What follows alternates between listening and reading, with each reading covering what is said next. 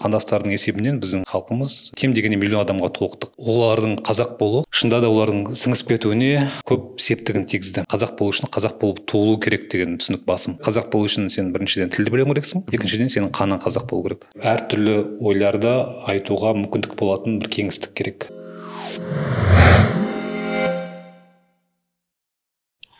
Жаңағы айтып жатырмық қой. Әлеуметтік мақұлық дейміз ба жануар дейміз ба? Сол маған қызық та ә, адамдар ә, бір үнемі қасына біреуді іздеп отырады ғой немесе ә, біреуге бір ә, жақындағысы келіп бір топқа кіргісі келіп ол жаңағыдай мәдениетке қатысты болсын жаңағы субмәдениеттер дейміз ғой. Діни ағымдар болсын жаңағыдай түрлі ыыы топтар бір достық жаңағыдай курстастардың айналасы деген секілді. Сол қызық та. Неге адамдар үнемі сондай бір ыыы бір топтасуға ыыы бейім немесе сол біздің бүгінгі тақырыбымыздың да бірі сол ғой. Бірегейлік иә. Yeah. адам адам үнемі бір бірегейлікті іздеп жүреді да. Енді біздің хомо сапиенс ретіндегі басты артықшылығымыз ол топ ретінде бірге алуымыз ғой.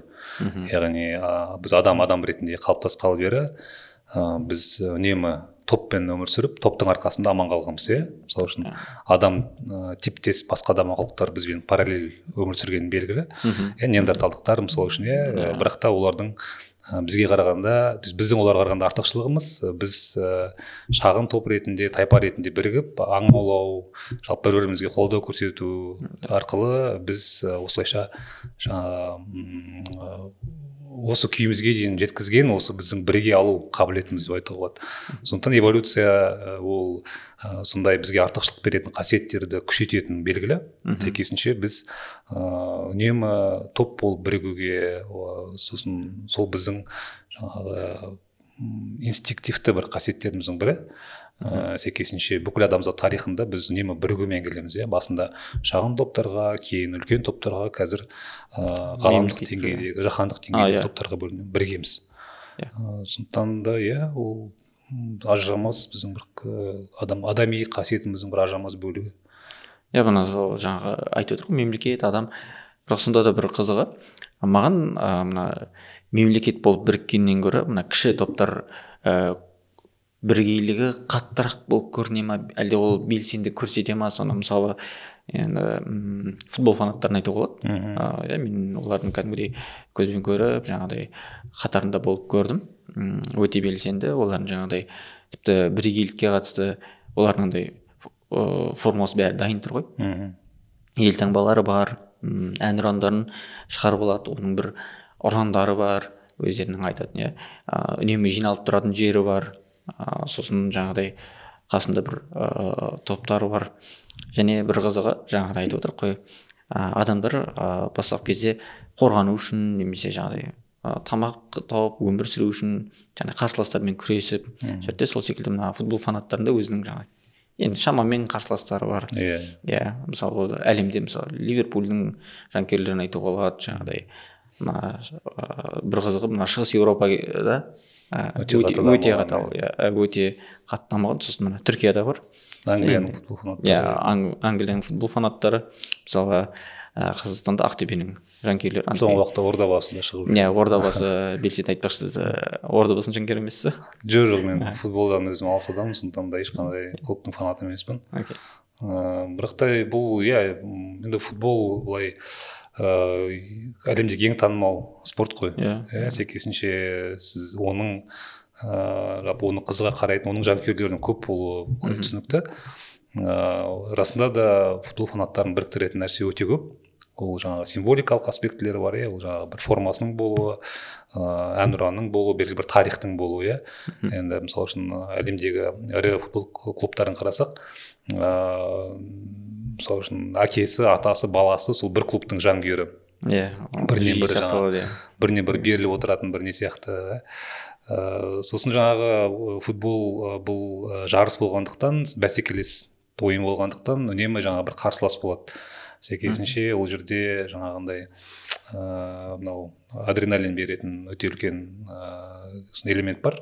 Иә сәйкесінше сіз футбол фанаты болған кезде сіз үнемі ә, сіз өзіңізбенен өзгелердің бір айырмашылығын нақты білесіз. Иә бұл да топты біріктіретін нәрсе. Иә топты біріктіретін нәрсе тек қана жаңағы біз айтқан бір символикалық болмаса сыртқы бет, бет пішін ғана емес ол өзіңнің қарсыласың кім екендігін білу. Е, басқалар иә психологияда өзгелер деген бар ғой осы өзгелердің кейпі анық анықталған да иә соларға қарсы қою арқылы сіздің топтық бірегейлігіңіз күшейе түседі. Иә. Енді өзім бірақ ондай топтың ішінде болмағандықтан олардың не сезінетінін түсінбеймін. Ыыы сондықтан да бірақ та өте эмоционалдық психологиялық күш беретіндігі анық адамға. Иә ана бір ә, мысалы стадиондарда болсаңыз ыыы андай бір бір енді кейбір бізде қазақстан премьер лигасында онша емес. Оны аз маз адам отырады ал мына ұлттық құрама ойнаған кезде немесе жаңағы ордабасы немесе ақтөбе ойнаған кезде кәдімгідей сол стадионда болсаңыз делебеңіз қозып дейтін сөз бар ғой қазақта. Сондай бір ә, адреналинмен андай командаңмен бірге терлеп тепшіп әйтеуір. Иә бірақ футбол фанаты болмағанның өзінде де стадионға барған кез келген адам мысалы үшін сол ыыы өз жақтас топқа кәдімгідей бір ыыы күшті байланыс пайда болады. Мен мысалы үшін енді хоккей ойынына бір қызығамын деп айта алмаймын бірақ жаңағы барыстың ойынына барған кезде сол сол жердегі атмосфера мені еліктіріп алып кетеді. Иә. Yeah. бір барыстың фанаты сияқты мен де айқайлаймын иә мысалы үшін ол шайба соға алмай қалса деп жаңағы көңілім түсіп дегендей. Өкініп па? Иә иә сосын жаңағы поп музыка да салыстыруға болады иә yeah. әншінің бір музыкалық топтың фанаттары да өте былай айқын кімдігі бар айдентисі бар. Мхм. Әлеуметтік топ деп айтуға болады иә мысалы жаңағы найнти уанның фанаттары деген секілді иә, шынымен ыыы жаңағыдай жаңағы поп мәдениеттегі ең үлкен сол найнти уан шығар шамамен мхм жалпы сын спорттың мына ұлтты қалыптастыруға ықпалы жөнінде көп еңбек зерттеулер бар. Ыыы мысалы біз ыыы ыыы футбол қарағанда болмаса хоккей қарағанда егер біздің ұлттық құрама басқа ұлттық құрамамен ойнап жатса ә, біз өзіміз ойнап жатқандай сезінеміз. Иә. Yeah. Иә, сонда біздің жаңағы ұлттық құрамамыз біздің жалғасымыз секілді болып тұрады көрінеді өзімізге. Ыыы сондықтан мынау қарап тұрсаңыз саясаткерлер иә президенттер ұлттық құрамалардың ойынына міндетті түрде қатысады. Иә. кейін егер ұлттық құрама болмаса спортшылар жеңіске жетсе оны міндетті түрде марапаттайды себебі иә. ол премия береді иә кімдігіңізді күшейтетін нәрсе. Мм окей. Окей иә шынымен иә ыыы ұлттық кімдік демекші ол иә бірақ қызық иә кімдік немесе бірегейлік әйтеуір бізде әлі анықталмай жатыр осы терминіміз. Иә кімдік деген терминді неге алғашқы ұсынған молдияр ергебеков қой. Иә иә. Сол кісі басында айтқан кезде маған құлағыма біртүрлі естілген. Бірақ қазіргі күні үйренісіп кеттік та меніңше кімдік деген өте бір сәтті аударма секілді. Мхм. Яғни кімдік пен кіндік дегенге андай қызық келеді иә иә мына жаңағы ұлттық құрама жаңағы ұлттық бірегейлікті арттыруға қатысты енді ықпал етеді деп жатырмыз ғой. Мына қазір енді соңғы уақыттар деуге болатын шығар. Ыыы ұлттық бірегейлігін ұлттық кімдігін іздеп жүрген немесе сол бағытта талқы біршама жүріп жатыр иә. Ал мысалы біздің елімізде ол енді басында да көп жүрді мысалы тәуелсіздің алғашқы жылдары деп айтуға болады. Мысалы бір екі мың беске дейін бе екен бәлкім. Ыыы әйтеуір енді былай материалдарды оқыған кезде сол кезде де бір қазақша материалдар аударылған екен. Мен маған жаңалық болды. Екі мыңыншы жылдары нобель лауреаттары сериясы дейтін ә, кітап аударыла бастаған екен. Мм қазақшаға ма? Қазақшаға және қазақшасы өте жақсы. Мен өзім андай хемингуэйдің шал мен теңізін оқыдым. Ыыы шынымен мынандай қазақша мен естімеген сөздер. Ол кісі аударған кім болды екен?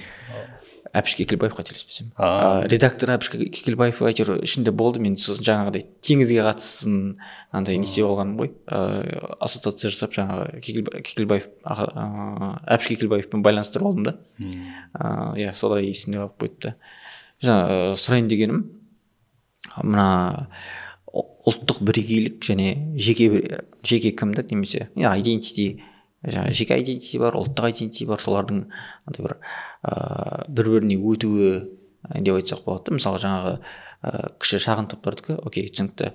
Ал ұлттыққа келгенде ә, қалай болады екен деп менің ойымша ә, шағын топтарда бірігу жеңілірек секілді. Ал үлкен топқа келгенде ол сондай бір үлкен бір процесс секілді да. Мысалы қазір ол посткеңестік мемлекеттерде де көп жүріп жатыр. Ыыы енді мұнда иә national identity яғни ұлттық кімдік қалай қалыптасады деген сұрақты жалпы әлеуметтік ғылымдардағы ең танымал сұрақтардың бірі. Оның ішінде жаңағы көрнекті өкілдері мысалы үшін жаңағы эрнест гелнер иә, андерсон иә, бенедикт андерсон. Ыыы маған сол кісілердің идеялары жалпы көңілге қонады. Иә бұлар жаңағы модернистік жалпы национализмнің модернистік теорияларының өкілдері теориясын қалыптастырған ғалымдар ә, және олар ә, қазіргі адамдардың өзін бір ұлттың бір бөлшегі ретінде ә, сезінуі бұл осы соңғы бір екі жылдың ішінде пайда болған феномен деп айтады. Иә иә. Ана андерсон кітап баспасына байланысты кітап баспасына иә. байланысты айтады иә. Эрнест гелнер оны индустриализациямен байланыстырады иә. Жаңағы жаңағы жаппай автоматтандыру сондай адамдардың мынау индустриализация заманында ғылымға білімге деген сұраныс артады. Себебі мысалы үшін бұрын бір товар шығару үшін мысалы үшін енді жүздеген адамның еңбек күші кететін болса ал индустриализация дамуымен байланысты бір машина жүз адам істеген жұмысын істей береді. Сәйкесінше адамдардың арасында жаңа білімге ғылымға деген басқаша құлшыныс пайда болады. Сәйкесінше бұл жерде жаңағы ақпарат таратуда басқа мүмкіндіктер пайда болады. Ә, сосын ә, сәйкесінше бұл ә, біз кімбіз деген сұрақты сұраққа жауап беруде бізде бір ортақ ақпараттық бір мағыналық кеңістіктің қалыптасуына алып келеді да сонда сол индустриализация сосын жаңағы ә, газеттердің таралуы кітаптың шыға бастауы ыыы ұлттық мемлекеттердің пайда болуы бәрі осы қатар жүрген процесс.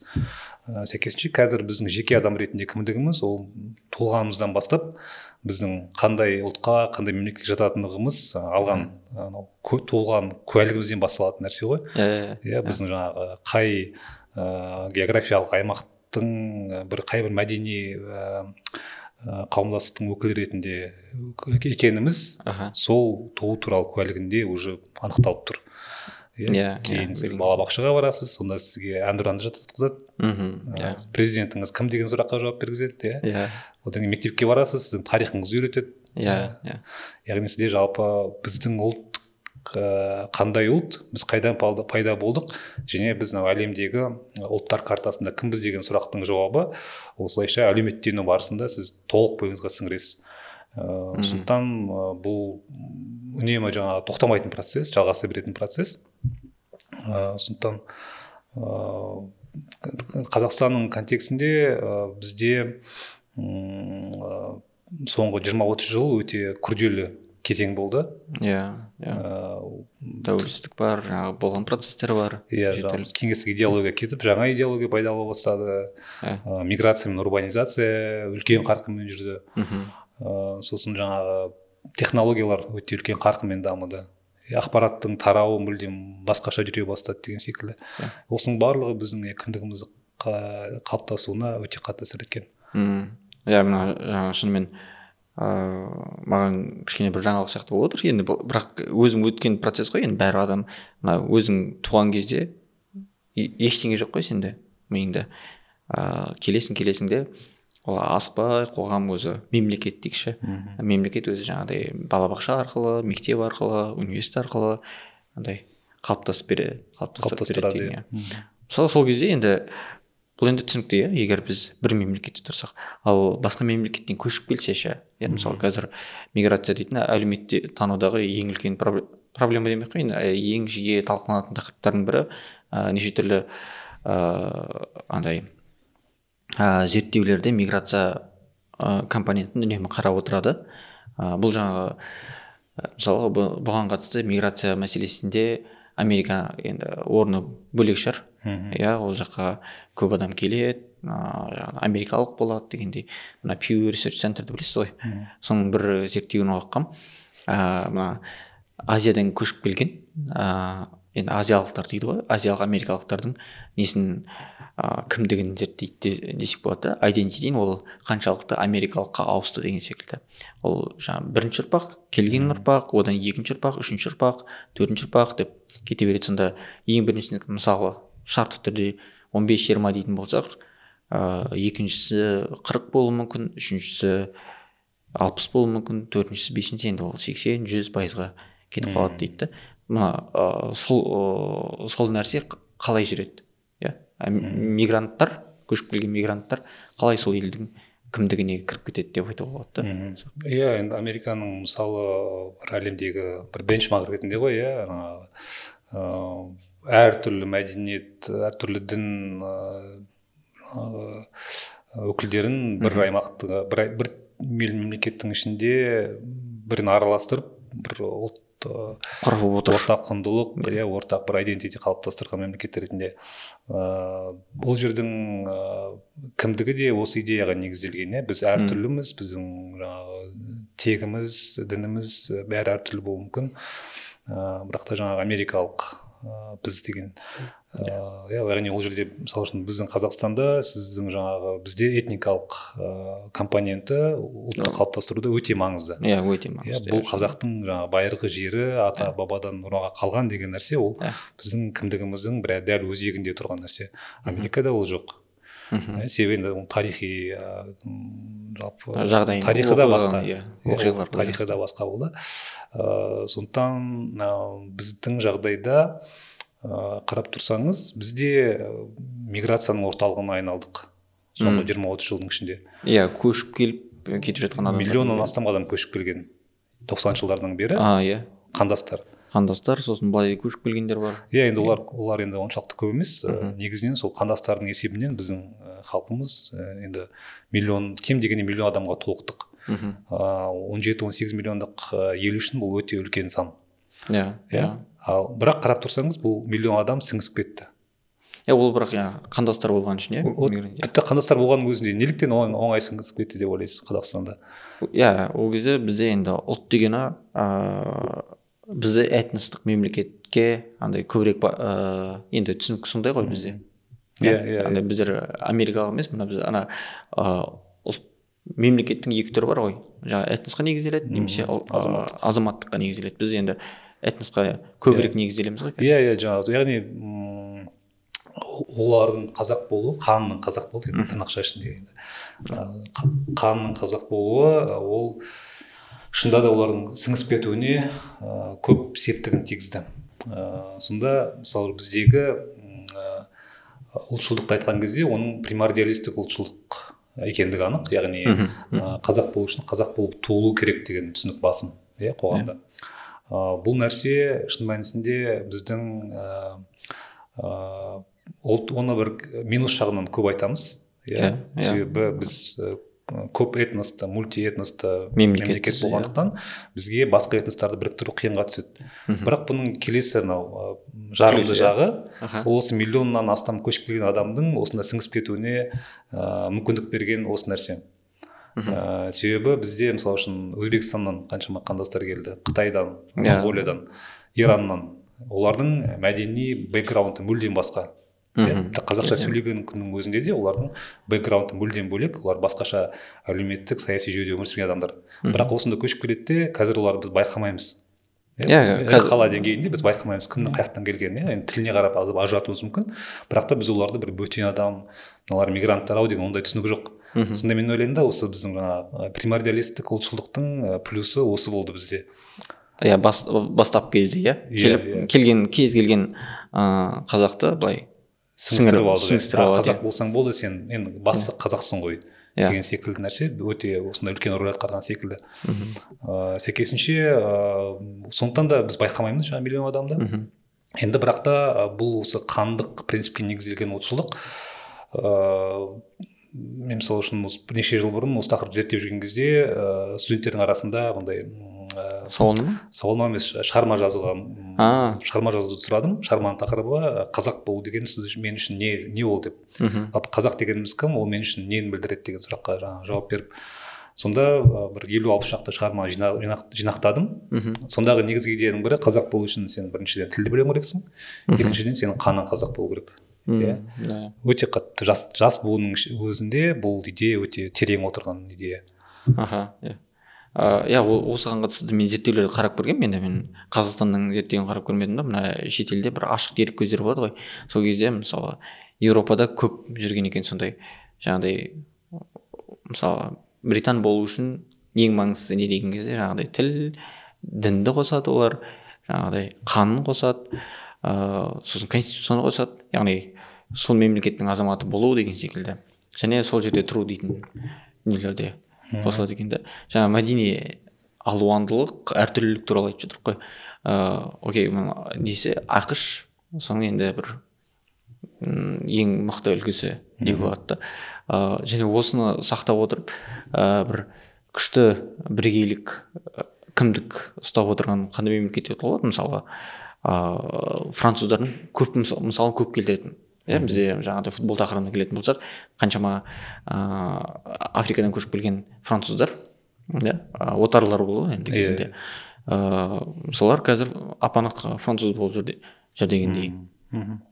Сол нәрседе андай мәдени алуандылықты әртүрлілікті сақтай отырып national identityді күшті ұстап отырған мемлекет. Енді бірден осындай бұл сұраққа жауап берген кезде бірден көз алдыңызға иә ақш франция канада иә. Италия иә. Жапония секілді әлемде жаңағы дамыған елдердің мысалдары бірінші ойға келеді. Жапонияда бір тоқсан сегіз пайызы жапондар дейтін секілді ақпарат бар емес а ол иә ол иә. ол бірақ та иә ол енді этникалық түрде моноэтникалық иә. ұлт бірақ жалпы идентити жалпы мықты иә. мемлекет ретінде айтылады да. Сонда менің ойымша бұны бір өлшеуге келмейтін нәрсе қайсынікі мықты қайсысы мықты емес деген. Бұл мынау біздегі жаңағы массовый мәдениеттің ықпалы секілді себебі дамыған экономикасы мықты және де өзінің мәдени өнімін әлемге тарата алатын мемлекеттер өзін осылай жақсы жағынан көрсете біледі. Ал шын мәнісінде біз мысалы үшін егер францияға барсақ ол жердегі жалпы мына миграцияға байланысты көңіл толмаушылықтың деңгейін біз білмейміз. Иә yeah, олар өздерін қазір жаңағы жоғалып бара жатқан ұлт ретінде енді өзінің ішінде қарсылық қарама қайшылық өте көп. Мхм. А бізге сырттан қарағанда ох көшіп келген арабтың бәрі бірден француз болып кетеді қандай керемет деген бір идеалистік көзқарас бар секілді. Соны ескеру керек. Сондықтан да біз мысалы үшін біздің ұлттық кімдігіміз басқалардікінен бір төмен деген сияқты бір колониалды бір ой бар менің ойымша. Бұндай түсінік қалыптасқан бізде. Ал мен онымен келіспеймін себебі ыыы салыстыруға келмейтін нәрсе контекст мүлде бөлек okay. ә, онысын өлшейтін бір енді ортақ барлығына бір линейка жоқ та. Соны ешқандай бір критериймен өлшей алмайсыз. Біреудікі жақсырақ біреудікі әлсізірек деген сияқты. Ә, ал қазақстанда осыған сәйкес осы тақырыпқа қатысты бізде мындай алармистік көзқарас басым. Мхм иә біз қазақ әлі қалыптаса алмай жатырмыз. Иә бізде сондай қатты бөлінеміз. Қашан бізде ұлттық идея пайда болады? Ә, қазақтың жаңағы үлесі қашан жетпіс сексен пайызы болады тоқсан пайыз болады деген секілді сондай бір алармистік ойлардың жетегінде ә, солардың сол дискурс қатты басым секілді. Ә, ал бірақ ә, шын мәнісінде қарасақ отыз жылдың ішінде біз ә, әжептәуір былай азаматтық ұлтты қалыптастырдық деп айта аламын мен. Иә өйткені шынымен де ә, этносқа қарамай ә, осы ә, қазақстанды өзінің отаны сезінетіндер көп қой. Иә иә иә. Иә ол экономикалық оның алғышарты бар. Иә біз салыстырмалы түрде посткеңестік елдердің ішінде орта азияда екі мыңыншы жылдардың басынан бері бір әжептәуір бір өмір сүру деңгейі жағынан әжептәуір жетістікке жеттік. Салыстырмалы түрде. Мхм. Ыыы сосын жаңағы халықаралық имидж деген нәрсе өте маңызды. Иә. Yeah. жаңағы зерттеу жасаған кезде былтыр ыыы соңғы жаңағы тәуелсіздік кезеңіндегі тарихи жады туралы зерттеу жасадық. Сонда ә, қойған сұрағымыздың бірі ә, сіз нені мақтан етесіз қазақстанның басты жетістіктері не деген кезде осы а жаңа отыз жылдық деп басталатын. А иә иә мен ол негізі оқыдым иә. Ол пеперлаптың есебін иә зерттеуін оқыдым иә. осы тақырыпта. Сонда жиі аталатын нәрсе ол біздің халықаралық аренадағы жетістіктеріміз.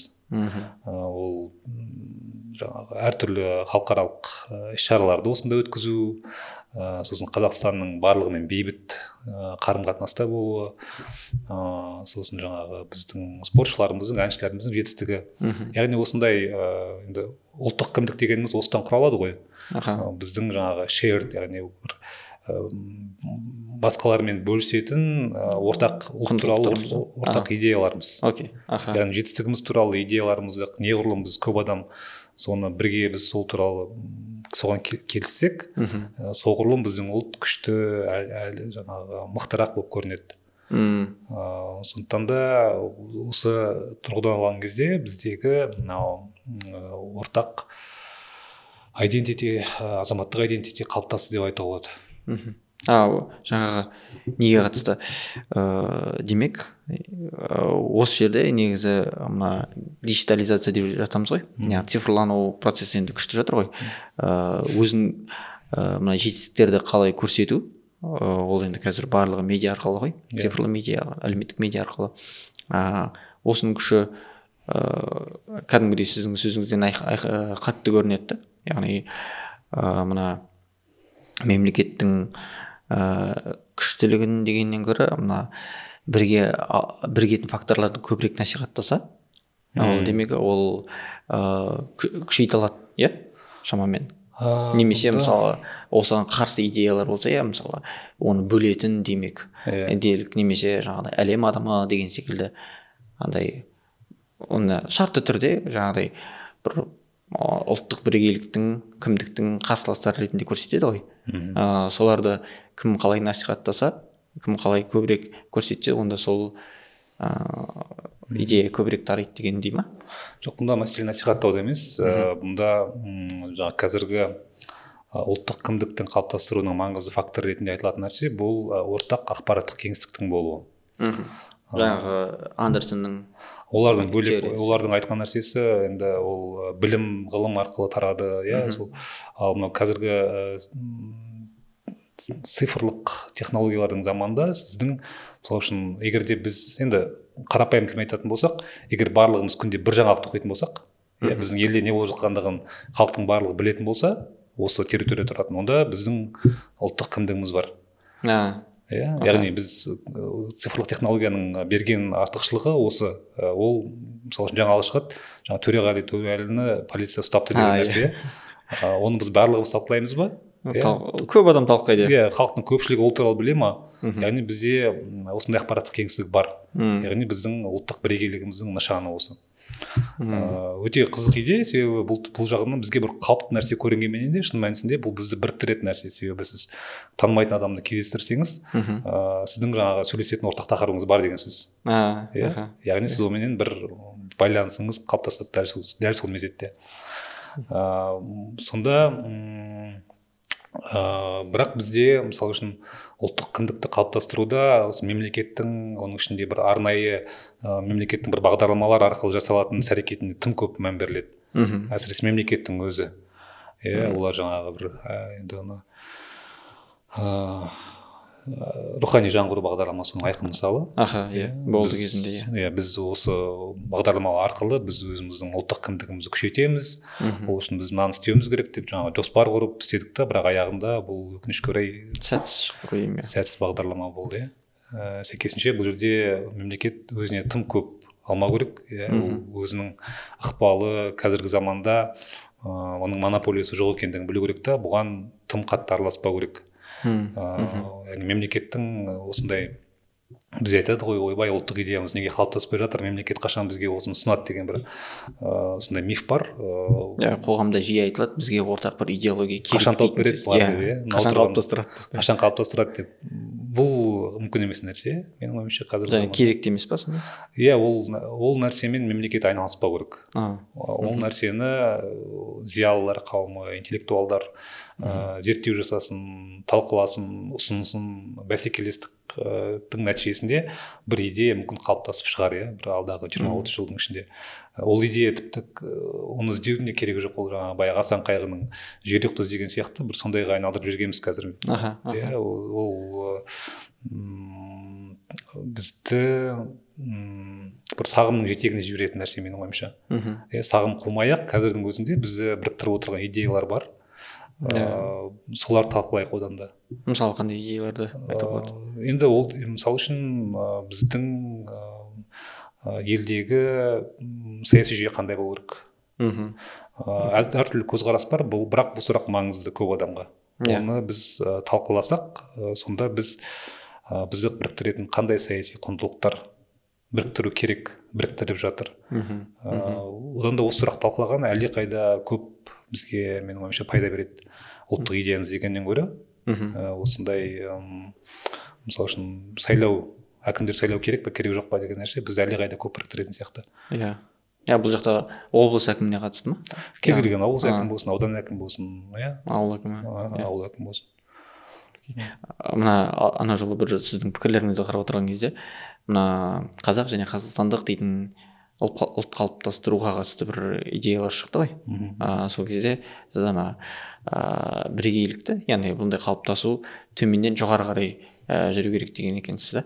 Яғни бұл қоғам қаншалықты талқылайды деген ә, мағынада иә. Яғни ол мына қазіргі әлеуметтік желіде енді бір ә, неше түрлі талқылар болып жатады ғой. Иә. Бұл со, соның көрінісі ғой иә.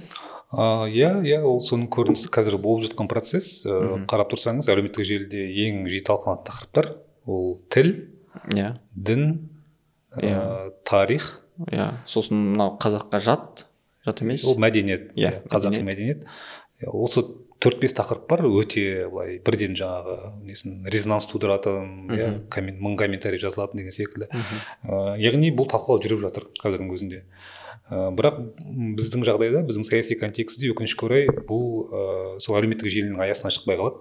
Мхм. Ал шын мәнісінде бұндай ым, дискуссиялар ә, университеттерде жүру керек мхм. ғылыми институттарда жүру керек ыыы сосын мәслихаттың мәжілістің отырыстарында жүру керек.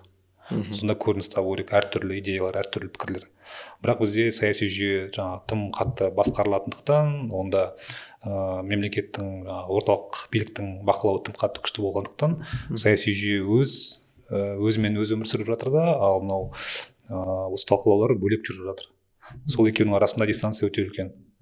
Ал бұнда осы дистанция аз, азаю керек. Ол үшін бізде саяси ашықтық саяси конкуренция ә, болған кезде осы идеялар мүлдем басқаша сипатта өрбиді. Ә, біз онда онда әрине бізде қорқатын нәрсе халық бірден жіктеліп бір Бөлініп кетеді иә, бөлініп кетеді. Жаңағы аймақ болып ұлт болып деген секілді менің ойымша бұл ә, біздегі негізі жоқ бір фобиялардың бірі. Немесе ол ол процесстен бәлкім өтіп кеткен емес өтіп, өтіп кеттік иә өтіп кеттік. Шын мәнісінде себебі тоқсаныншы жылдардың басында ортасында бұл өзекті болуы мүмкін еді. Қазіргі күні бізде жаңағы ортақ ыыы мысалы үшін бізде ең көп айтылатын осындай бір фобияның бірі ә, аймақтық сепаратизм. Мм. Ә, яғни іштен бөліну ыыы иә. батыстың бөлініп кетеді деген секілді нәрсе. Иә ол кішкене иә бірақ со- сондай нәрсе бізде осындай саяси жүйені сақтап қалуға ыыы бір оправдание а. иә ретінде көп айтылады әсіресе мынау эксперттердің арасында. Мхм. ал менің ойымша бұл кезеңнен біз өтіп кеттік. Иә шынымен ол ана мемлекет енді қалыптасып жатқан кезде бәлкім болды. Және кейбір кейбір елдерде шынымен бар ғой ондай бөліністер иә. Ол бәлкім енді біздің көршілеріміз айтпасақ та мына басқа бір э, еуропадағы кейбір мемлекеттер деген секілді. Мхм. Иә ондай болатын сияқты. Мына ә, ойлап тұрғаным жаңа айтып отырық қой ыыы мемлекет ә, мемлекетте ә, адам, азаматтар өздері талқылау арқылы бір өздеріне керек бір ыыы, ойларды принциптерді шығара бастайды иә. Иә бірге бастайды ол жаңағыдай саяси жүйе қандай болу керек дейтін ә, мәселелерге қатысты. Ә, талқылап ол сол кімдікті арттырады Иә. ә, мен ә, сұрақтардың бірі маған қызық. Ә, бұл егер ұлттық кімдік күшейсе иә адамдар ә, көбісі енді бірдей ойлана алса ә, біздің қоғам көбірек инклюзив ә, бола ма? Яғни ұлттық кімдіктің күшеюі ә, инклюзияға әсер ете ма ол андай ыыы көптің көптің андай азшылықтардың жағдайын қарастыру деген секілді мхм. мәселе. Иә ұлттық кіндік пенен инклюзия бір біріне байланысты нәрсе ол оны күшейтуі де мүмкін керісінше алып тастау керек. әлсіретуі де мүмкін иә. себебі ұлттық кіндікті бұндағы мәселе біз ұлттық кіндікті қалай анықтаймыз ұлт дегеніміз кім Иә. біз ненің негізінде қандай құндылықтар мен принциптердің негізінде біргеміз деген идея? Яғни мұнда тарихта әртүрлі мысалдар бар. Иә мысалы үшін ұлттық кіндігімізді біріктіреміз деп кезінде ыыы жаңағы гитлерлік германия соғыс ашқанда белгілі. Иә. Жаңағы басқа ұлттарды қырып жойып деген секілді. Қазіргі ресейдің мысалы иә дәл сондай. Иә біз жаңағы ресей мемлекет ретінде ә, өзімізді сақтап қалу үшін деп сондай ыыы ә, сол идеяны негізге ала отырып ол мысалы үшін украинаға соғыс ашты. Иә егер де олардың ыыы, ә, негіздемесін қарасақ путиннің айтатын нәрсесі біз дейді әлемде жойылып кетпеу үшін біз осыны бастадық бастауға мәжбүр болдық деп өзін өзін солай ақтайды. ақтайды. Иә. Иә. ә, сондықтан да ә, біздің қазақстан жағдайында біз қалай қалыптастырып жатырмыз бірегейлікті. Ә, біз қандай идеялардың төңірегінде қазір енді біздегі ең өзекті нәрсе ол тіл мәселесі. Яғни тіл ә, қазақ тілін білу қаншалықты біздің ұлттық кімдігімізді анықтау керек деген сұрақ. Бұл сұрақтың жауабы әлі күнге дейін жоқ. Ыыы яғни бұл сұрақтың төңірегінде талқылау жалғасып жатыр. Ыыы қазіргі мейнстрим болмаса басым болып жатқан идея ол қазақ тілі біз үшін өте маңызды деген нәрсе. Қазіргі күні өте қатты күшейген идея. Иә яғни бұл иә. идеяны күшейткен мемлекет емес Қоғам. қоғамның өзі. Иә. Оның ішінде әртүрлі инфлюенсерлер бар жаңағы әншілер бар. Мгм. Ә, ә, блогерлер бар. Солар бұл идеяны қазір жаңаша ұсынып жатыр жаңа ұрпаққа. Иә соның нәтижесінде бізде м, мемлекеттің жаңағы миллион миллиардтап ақша бөлетін бағдарламаларынсыз ақ Мгм. ә, қазақ тілінің ә, символ ретінде ә, маңызы қазір күшейді. Мгм. Ә, сол бір ғана мысал иә? Иә ана бір сөз танымал болып кетті ғой. Ыыы найнти уанның қазақ тілі үшін істегені мемлекеттен істегеннен әлдеқайда артық Иә, тиімді иә, болды иә деген иә иә иә. Сол найнти уанның жаңағы кім бар? Ғызактың айтқан нәрсесі. Өте қонымды болды. Мен үшін ол айтады. Біздің қазақ тіліміз бұл біздің бір ә, бір қоршайтын ә, қалай айтады ол? Өте жақсы метафора келтіреді. иә иә иә. Бір басқа мәдениеттердің ә, бізге ықпалынан ә, сақтайтын бір қорғаныш ретінде бір сондай әдемі метафора келтірді. Яғни ол да бізді мысалы үшін ұлт ретінде бізді ә, осы мәдени кеңістікте ә, қолшатыр деді ғой деймін қолшатыр деді ғой Иә, деймін қолшатыр Иә, деді ғой деймін. өте мет- әдемі метафора келтірді. Ыыы сонда бұл идеяны зак айту үшін иә оған мысалы үшін мемлекет оған айт деген жоқ. Демеген шығар иә. Иә айт деген жоқ иә ол өзі соған жетті сол идеяға. Осы жаңағы осы кеңістікте ойланып толғанып салыстырып деген секілді. Ыыы сондықтан да мен осы жаңағы бірегейлік туралы айтқан кезде сондықтан да жеке бастамаға көп мән беремін. Иә, оны ең бастысы сондай әртүрлі ойларды айтуға мүмкіндік болатын бір кеңістік керек. Мысалы өнер ыыы Иә, мысалы өнерде ғылымда Мгм. м, білімде Иә. м, сондай сол осылай егер де біз ә, сол басқаша идеяларды қабылдап оларды сіңіріп онымен конструктивті талқылауға талқылай алатын болсақ Мгм. ә, бізде инклюзия күшейеді. Яғни инклюзияның негізгі жалпы негізінде тұрған нәрсе біз мәдени әртүрлілік қабылдау иә. норма ретінде қабылдау кемсітпеу шеттемеу шеттетпеу иә мүмкіндік тең құқық беру. Мгм. сондықтан көптеген идеяларды қайта қарау керек. Оның ішінде мысалы үшін мемлекет құрушы ұлт деген бір концепция болды бізде. Иә ол жаңағыдай. Қазақтар мемлекет Иә. құрушы ұлт басқа этностар ол біздің төңірегімізде жинақталу керек деген нәрсе. Кезінде екі мыңыншы жылдардың басында оны мемлекет кәдімгідей негізге ала отырып сол соған сүйене түрлі заңдық жаңағы нормаларды қабылдады. Мгм. ә, жаңағы бізде не бар ғой? Алғыс айту күні бар ғой. Иә иә қазақ халқына алғыс айту күні деп Бірінші наурыз ғой иә. Бірінші наурыз иә? Бірінші наурыз. бірінші наурыз ғой деймін иә. Вот сол мейрамның негізінде тұрған идея осы мемлекет құрушы ұлт идеясы. Ә, бірақ ә, ол идея қабылданған жоқ. Қазір қазақтарға алғыс айту емес бәріміз бір бірімізге алғыс айтамыз. Иә негізі бір жақсы не шықты? Иә дәстүр ретінде күн жақсы Иә. алғыс айтуда тұрған ештеңке жоқ бірақ та м, ә, неліктен біз қазақ ұлтын мемлекет құрушы деп ә, оны мемлекет неліктен осы идеяны осылайша бағдарлама арқылы ә, тарату керек. Ә, біз неге біз этнос ретінде теңбіз деген идея қайда қалады деген секілді. Ыыы иә. сондықтан осы нәрсеге бізде ауысып жатқан секілді өйткені қазақтардың өзі мысалы үшін біз басты ұлтпыз деп қазір айтуға былай оның ыңғайсызданатын секілді. Мм. Ә, яғни мен өзім солай сезінемін мен яғни мысалы үшін орыс ұлты болмаса өзбек ұлты этносының өкілдері қазақстанда тұратын қазақстан азаматы болса мен ыыы оларға қарап мен сендерге қарағанда маңыздырақпын деп мен айта алмаймын ешқашан да мхм. Өйткені олардың дәл мен секілді сен менікіндей құқығы бар. Иә ә, менікіндей үлес қосып жатыр. Иә және олардың мен үшін олардың этникалық шығу тегі маңызды емес.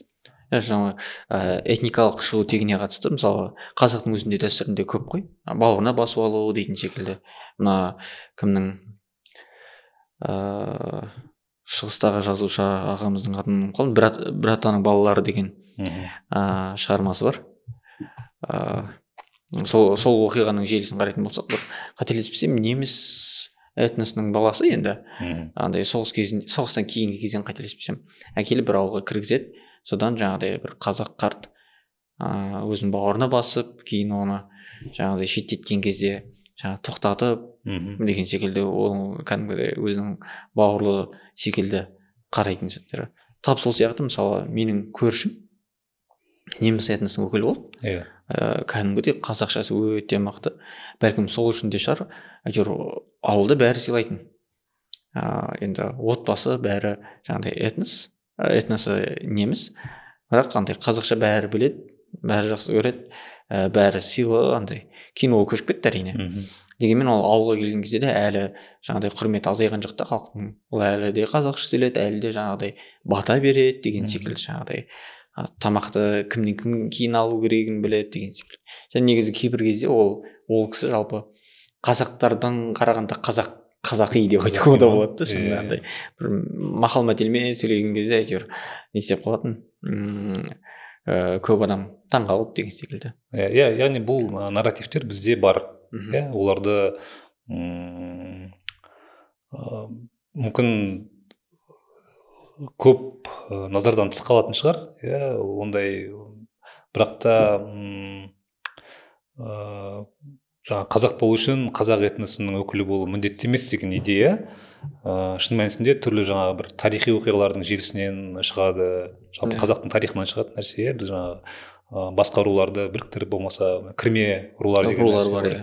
Иә мысалы үшін төре менен жаңағы қожалар деген секілді иә. Төлеңгіттерді. Төлеңгіттер деген секілді. Яғни тарихтан да осындай соған негіздеме болатын ыыы нарративтерді қалыптастыруға көп мүмкіндік бар. Мхм ыыы жай оны негізі біз андай ыыы мына айтып жаттық қой мектеп кезінен қалыптасады деп тарихты оқыған кезде енді көреміз ғой. Ол Иә. жаңағыдай қожалар осылай осылай жаңағы төрелер осындай да осындай деп.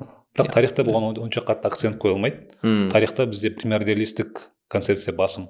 Аха. Біз қазақтарды осындай кезде жерінде болған олар қалыптасты сосын жаңағы қазақтар қазақтар олар жаңағы руларды біріктірді деген секілді. Ыыы сондықтан жаңағы қайта қарау керек нәрселердің бірі де осы. Осындай инклюзивті айдентити үшін біздегі білім ә, бағдарламалары оның ішінде оқулықтарда осы оқиға қаншалықты көрініс табады? Ә, деген нәрсе өте маңызды менің ойымша. Мхм ә, сол жерде де мысалы үшін мемлекет тым қатты араласпай бұл жерде автономия беретін болса ә, тарихи оқулықтардың жазуында ә, бәсекелестік ә, болмаса бір меритократия болатын болса ә, бізде қазір жабық түрде жүзеге асатын нәрсе оқулық жазу деген өте бір жабық ә, ә, тіпті бір жемқорлық элементтері бар нәрсе менің білуімше. Ә, сәйкесінше оқулықтардың ішіндегі жазылатын нәрсені мемлекет тым қатты енді ол түсінікті нәрсе қадағалауы мүмкін бірақ бұл жерге ә, бір ә, жаңашылдық керек секілді. Қазіргі күннің ә, контексінде ә, осы инклюзивтік идеясы жетіспейді менің ойымша. Мемлекет ме- мектептің аясында мектеп бағдарламасының аясында инклюзия идеясы өте аз. Мхм бірақ бізде андай инклюзия десе андай ыыы қалай айтсақ болады. Мәдениден гөрі андай денеге физикалық бір Иә, иә. инклюзияға қатысты сондай кө- қалыптасып кетті, иә иә. көп басымдық беріп кетеді иә иә. иә. Шын мәнісінде мәдени инклюзия бізде өте маңызды нәрсе. Қазақстан қоғамы үшін. Себебі бізде мынандай миф болды біз қашан жаңағы сексен пайыз боламыз қазақтар сол кезде барлық мәселем шешіледі деген нәрсе. Иә немесе жаңағыдай отыз қырық миллион адам боламыз сол кезде жақсы дамып кетеміз деп. Иә шын мәнісінде қазіргі заманда біздің ыыы ондай моно мәдениет қалыптастыру мүмкін емес нәрсе. Иә. Моноэтникалық біз ешқашан да моноэтникалық бола алмаймыз. Және шынымен ешбір мемлекет жоқ қой қазір ондай мемлекет жоқ иә. тоқсан пайыз тоқсан бес пайызы бар бірақ олардың өзінде де мәдени әртүрлілік ә, кеңінен көрініс табады иә. Ыыы сондықтан да өз басым түрлі зерттеулер арқылы түрлі жобалар арқылы осы инклюзияны жаңаша қырынан танылуды ұсынар едім. Көпшілікке жалпы осындай ә, шығармашылық топтарға мхм. Ә, себебі қараңыз ә, біздегі қазақ қазіргі жаңа заманауи қазақ музыкасының ә, өте қа- үлкен қарқынмен дамып жатқанын бәріміз білеміз иә? Иә өте өте мықты. Вот соның ә, жаңағы басқа басталғы шартының бірі менің ойымша осы осы жердегі ә, плюрализм. Мм. Найнти уаннан енді басталған шығар мүмкін. Негізі айтады ғой ыыы найнти уанға дейін де көп болды мысалы дос мұқасанды келтіреді иә иә иә иә иә. бірақ осы найнти уаннан кейін жаңа буын келді. Олар осы әртүрліліктің нәтижесінде жаңаша заманауи қазақ музыкасы біз қазір әлемге таныта білдік деп айта аламын. Мхм иә өте түрлі жанрлар бар иә. Яғни дәл осындай әм, әртүрлілік қазақ заманауи му- музыкасын жаңа деңгейге шығарды.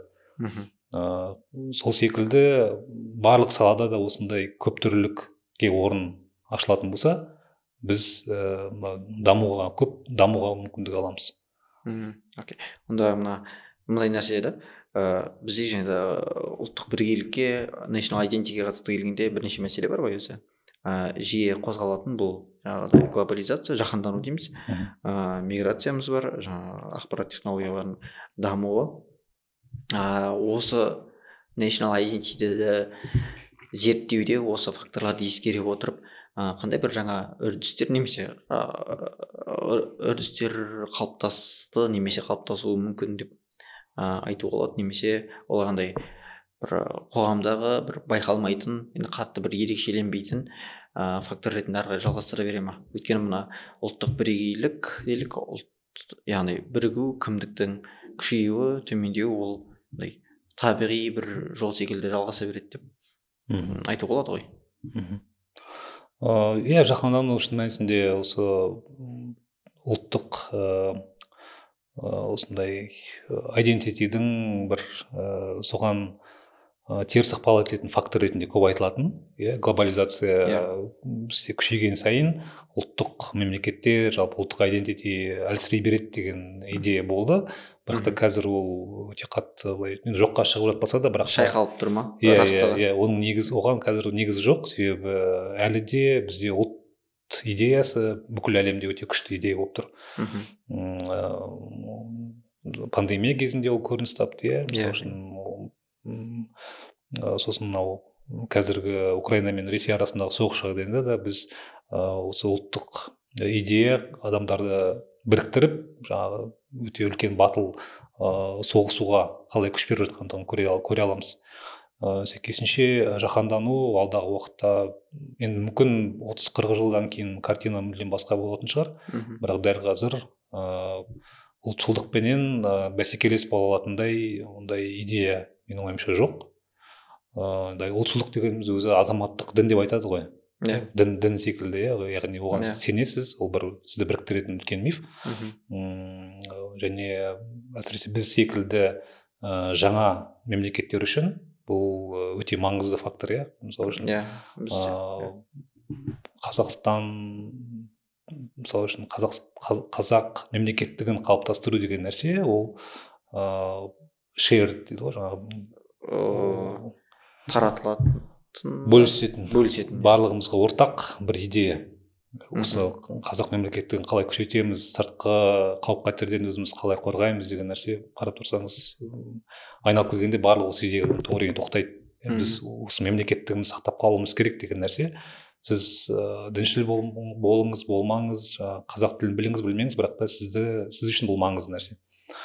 Ә, сол ә, енді зерттеу тұрғысынан алатын болсақ бізде жалпы бұл бағыт ә, зерттелмеген әлі де.